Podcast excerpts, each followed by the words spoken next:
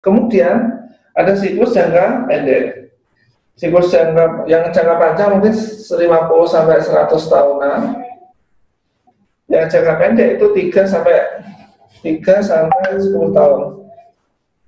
Nah, dalam siklus jangka pendek ini contoh ini tahun ini siklus jangka panjang ini jangka pendek nah 3 sampai 10 tahun. Ini 2008 2008 2009 di bawah. Ini 2005 ini 2015 jadi teman-teman kalau lihat dari siklus ekonomi Indonesia ini ada contoh bagus ada sekitar 7 tahun. Jadi tahun 2008 itu Indonesia kena subprime kena imbasnya Great Recession eh, apa namanya krisis ekonomi dunia 2008 kita turun kemudian naik maka ketika kenaikan ini kenaikan siklus ini ditandai juga sama kenaikan properti. Bisnis mudah uang mudah kayak gitu. Nah kemudian ini mencapai puncaknya di 2012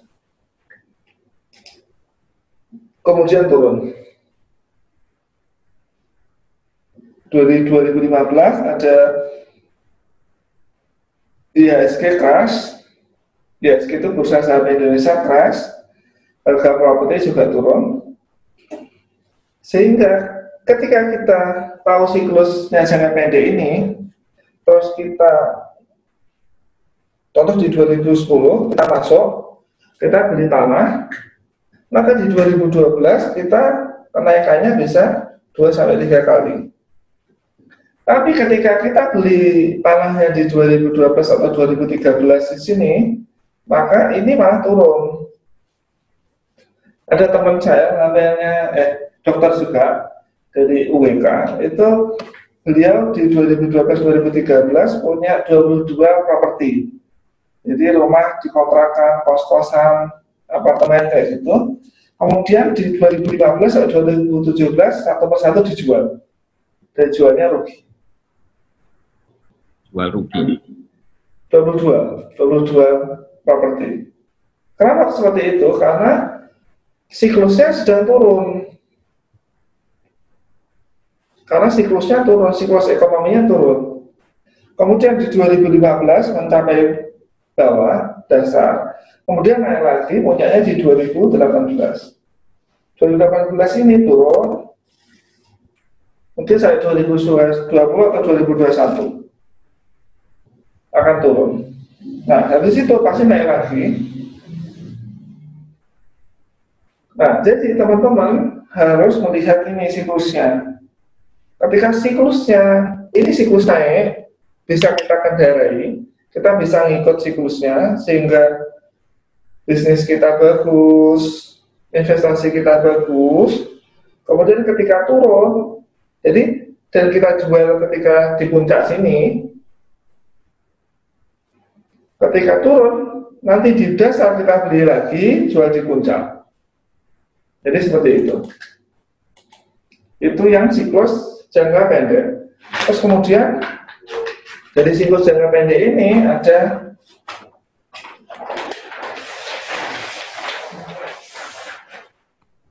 pelajaran dari uh, properti di Bali. Jadi properti di Bali ada siklus yang bagus. Jadi bentuknya gini. Jadi ini 2009, ini 2015, ini 2020. Jadi di Bali itu kalau mungkin Dewa tahu ya di 2000, 2000 sekitar 2010 itu puncaknya. 2010 sampai 2015 itu harga tanah naik terus dan naiknya bagus. Dan di sini ini banyak pembangunan properti ini hotel-hotel dibangun uh, dan lain-lain Jadi properti gila-gilaan sampai puncaknya di 2015. Nah, ketika 2015 yang terjadi adalah puncak, terus menurun. Ini menurun terus sampai 2020. Maka setelah 2015 mungkin teman-teman akan nemu banyak hotel murah di Bali, banyak apa penginapan murah itu sebabnya ini. Karena apa? Siklusnya ini selesai, siklusnya ini menurun. Ketika siklus menurun, contoh ada orang beli properti di sini di 2017 atau 2000, 2017 maka nilainya malah turun ketika dia jual di 2020 ini penting sekali. Kenapa? karena banyak orang yang tidak sadar hal ini. Jadi oh properti harganya kan selalu naik tidak selalu. Properti tidak selalu naik. Properti itu seperti barang-barang mahal lain itu selalu ada siklus. Siklus properti tergantung suku bunga. Jadi ketika suku bunganya naik, maka propertinya turun. Ini yang terjadi ini dari 2009 2015 ini suku bunga turun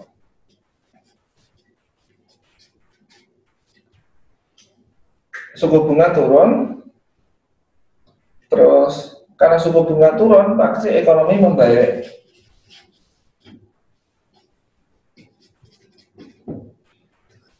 Jadi suku bunga turun, ekonomi membaik.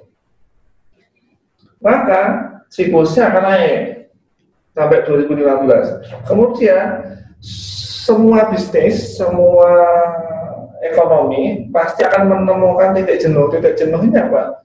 Kalau di Bali, properti di Bali, terlalu banyak hotel dibangun, penginapan dibangun, sehingga yang terjadi adalah terjadi kelebihan supply dari dari kelebihan supply hotel. Terjadi kelebihan supply penginapan maka akan turun. Nah di 2015 puncak kemudian turun terus sampai 2020 sekarang. Tapi ini yang penting, nanti penurunan ini nggak tahu sampai kapan akan naik lagi. Jadi ketika saat belinya malah ada di bawah. Jadi jadi kita belajar dari siklus ekonomi itu kita belinya ketika ada di bawah. Ini tandanya apa? Tandanya ketika di bawah orang-orang orang-orang pesimis. Nah ini penting. Orang-orang ketika hampir semuanya pesimis dengan ekonomi, investasi, maka saat itu adalah saat yang tepat untuk kita membeli. Contoh, tadi yang saham, di saham juga malah jelas sekali ininya, dan lebih sering. Nah, ketika di dasar pesimisme ini kita malah harus masuk di reksadana saham, investasi saham. Kemudian ketika orang euforia harga akan naik-naik terus, maka kita akan ini harus kita jual, ini kita beli. Bukan sebaliknya. Banyak orang yang tidak yang awam dalam berinvestasi itu malah ketika di puncak dia ikut-ikutan karena teman-temannya sudah sudah punya dan sudah untung temannya oh, lihat oh teman satu untung dari properti. Teman satu lagi untung dari punya kos-kosan. Teman satunya lagi untung juga. Maka dia mikirnya oh kalau saya untung berarti saya akan untung. Padahal sudah di puncak. Nah ini. Ini yang menyebabkan investasi kita gagal. Gitu. Mungkin ada pertanyaan mungkin? Oke, uh, sudah ya tadi sampaikan terkait dengan siklus jangka pendek dan jangka panjang. Jadi secara prinsip tadi sudah disampaikan, tadi di akhir jadi kesimpulannya kalau kita pada harga turun kita beli, kalau harga naik kita jual. Jangan sebaliknya karena itu nanti justru justru harga tinggi itu adalah puncak euforia yang akan akan menuju ke siklus berikutnya salah satunya ya siklus penurunan itu. Nah, jadi pertanyaan kuncinya itu seandainya seandainya kita ini tahu siklus ini turun, oh ini siklus turun kita beli semua. Terus oh ini siklus naik waktunya menjual semua. Take profit dari situ. Nah, seandainya saja kita tahu caranya seperti itu atau kita tahu siklusnya seperti itu kan tentunya mudah ya. Nggak usah kerja susah-susah tahu siklusnya. Nah, ini mungkin pertanyaan penting dari teman kita dari SEC ini oh ada SEC itu ada tahu lagi puncak atau lagi turun gimana. Ah, nih keren. Jadi, kalau tahu kan enak, kalau tahu kan kita sudah tahu. Oh enak kita pas beli pas lagi rendah-rendahnya kita beli, pas lagi lagi diskon-diskonnya kita beli. Gitu. Ya kan? Jadi yang tadi kita puncak itu kita harus jual itu saat orang optimis. Apalagi optimis berlebihan. Contoh, uh, mungkin teman-teman bisa lihat com bubble nanti bisa apa uh, cari di Wikipedia atau Investopedia. Jadi ketika orang-orang optimis itu malah bahaya. Karena apa? Ini berarti mendekati atau sudah di puncak.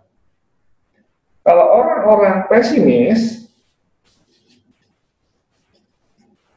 ini malah menjanjikan. Kenapa begitu? Karena optimis itu membuat orang menjual.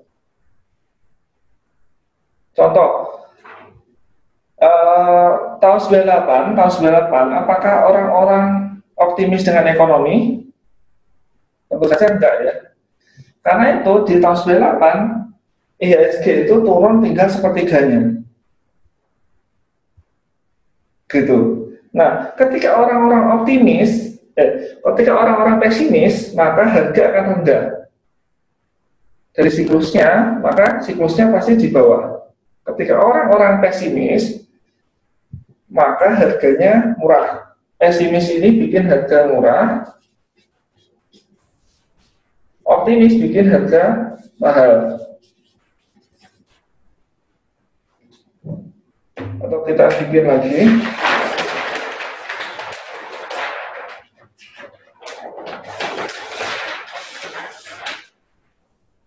Nah ini ini orang pesimis. Pesimis itu bikin harga murah.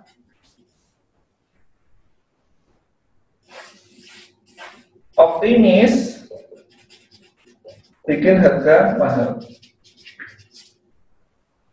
Jadi teman-teman cara gimana cara mudahnya biar tanpa tahu kondisi ekonomi tanpa baca-baca buku ekonomi tahu adalah melihat dari sisi psikologis orang-orang. Kalau orang-orang mayoritas optimis atau malah optimis berlebihan, berarti itu saatnya berarti sedang di puncak. Karena apa? Optimis itu membuat orang jual mahal.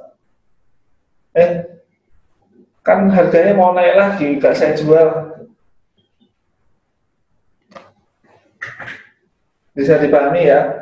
Nah, kemudian ketika harganya turun terus, apalagi bertahun-tahun, maka orang jadi pesimis. Nah, ketika orang-orang jadi pesimis, maka dia takut nanti besok harganya turun. Dia menjual. Nah, ketika orang-orang sangat pesimis ini, maka kita masuk. Kita belinya saat orang-orang pesimis, jualnya saat orang-orang optimis. Intinya seperti itu. Jadi melihatnya dari sisi psikologinya. Oke, jadi dilihat dari salah satunya Bram ya. Apakah apakah menjadi salah satu atau menjadi faktor satu-satunya faktor utama ya? Rasanya mungkin uh, salah satu faktor ya dari optimisme dan apa uh, psikologis orang itu. Ini juga ada pertanyaan Uh, tadi disampaikan sama Bramasta salah satunya suku bunga dan ekonomi yang membaik itu menjadi menyebabkan uh, siklus tadi seperti uh, siklus tadi yang terbentuk itu berdasarkan suku bunga dan ekonomi. Kemudian uh, Bentar. Nah ini tadi sempat ada juga mungkin karena di sini membahasnya masalah bagaimana tahunya pesimis dan optimis ya nanti itu kita bahas tersendiri. Iya. Nah itu saya boleh saya jawab dulu? Ya, ya silakan. Ini ada suara masuk ini siapa ini? Bentar. Nah kapan tahunya? Kalau bisa kita tahu orang-orang pada optimis atau pesimis. Jadi di contoh ya kita kalau kita beli tanah pastikan kita punya tetangga-tetangga, mesti ke pasti selingkaran kita itu juga punya uh, punya yang harta yang setingkat dengan kita, maka dia akan biasanya mereka akan masuk ke apa yang kita masuk juga. Contoh ya, di tahun 2012 tadi atau Bali di 2015 maka di 2015 ini orang-orang nanti dari dari tetangga-tetangga kita, dari teman-teman kita, nanti orang-orang akan optimis kelihatan itu. Jadi dari cerita-ceritanya, oh ini properti lagi bagus nih, nah gitu. Kalau ada cerita-cerita gitu berarti properti sedang tidak mau bagus. Jadi akan turun. Kalau banyak orang yang cerita tentang investasi yang hebat, investasi yang tidak akan turun, harga tanah selalu naik, berarti di saat itu adalah waktu yang paling tidak bagus untuk beli properti. Gitu. Nah, tapi ketika ada orang-orang yang obral propertinya kayak sekarang diskon 50%, tapi belum ada diskon 80% ya. Kayak sekarang mungkin ada beberapa yang sudah ditawari, tanah diskon 50%, nah itu berarti sekaranglah saatnya kita beli. Gitu. Berarti sekarang lagi di bawah, di sekitar sini. Terus tadi ada teman tanya, Loh, kalau kita beli sekarang, terus nanti ada resesi seperti apa? Jadi Warren Buffett itu jarang sekali bisa beli di bawah sini dari suatu siklus ya, ini ada siklus sininya, Warren Buffett itu biasanya belinya di sekitar sini. Jadi nggak beli di bawah. Karena sekali lagi kita tuh nggak tahu tiga bulan ke depan Indonesia makin parah, COVID-nya kita nggak tahu. Walaupun sepertinya akan lebih parah. Terus apa efeknya ke ekonomi kita juga nggak tahu. Jadi ketika sudah dalam kondisi sekarang, sebaiknya beli gitu. Jadi jangan nunggu nanti kadang membaik dulu. Ini akan kembali seperti ini ya. Jangan di sini belinya telat.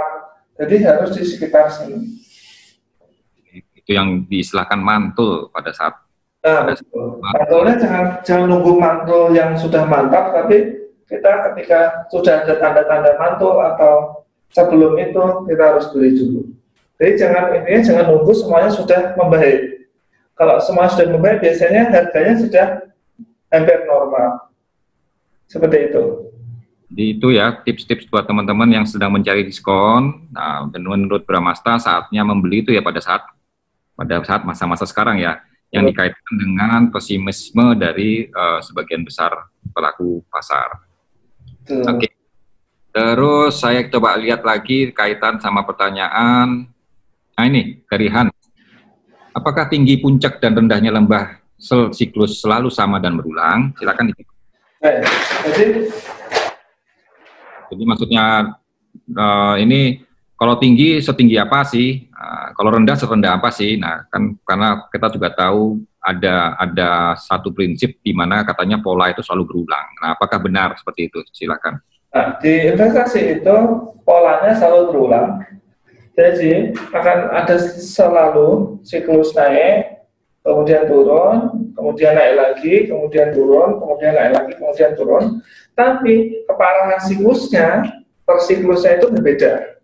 Contoh, Dr. Bubble 9, 9. Itu akan sangat berbeda dengan sekarang. Kalau dulu Dr. Bubble 99 itu perusahaan-perusahaan yang bahkan pendapatannya cuma 2 juta dolar bisa 2 juta dolar itu bisa dijual sampai 5 miliar dolar. Itu bukan laba loh ya.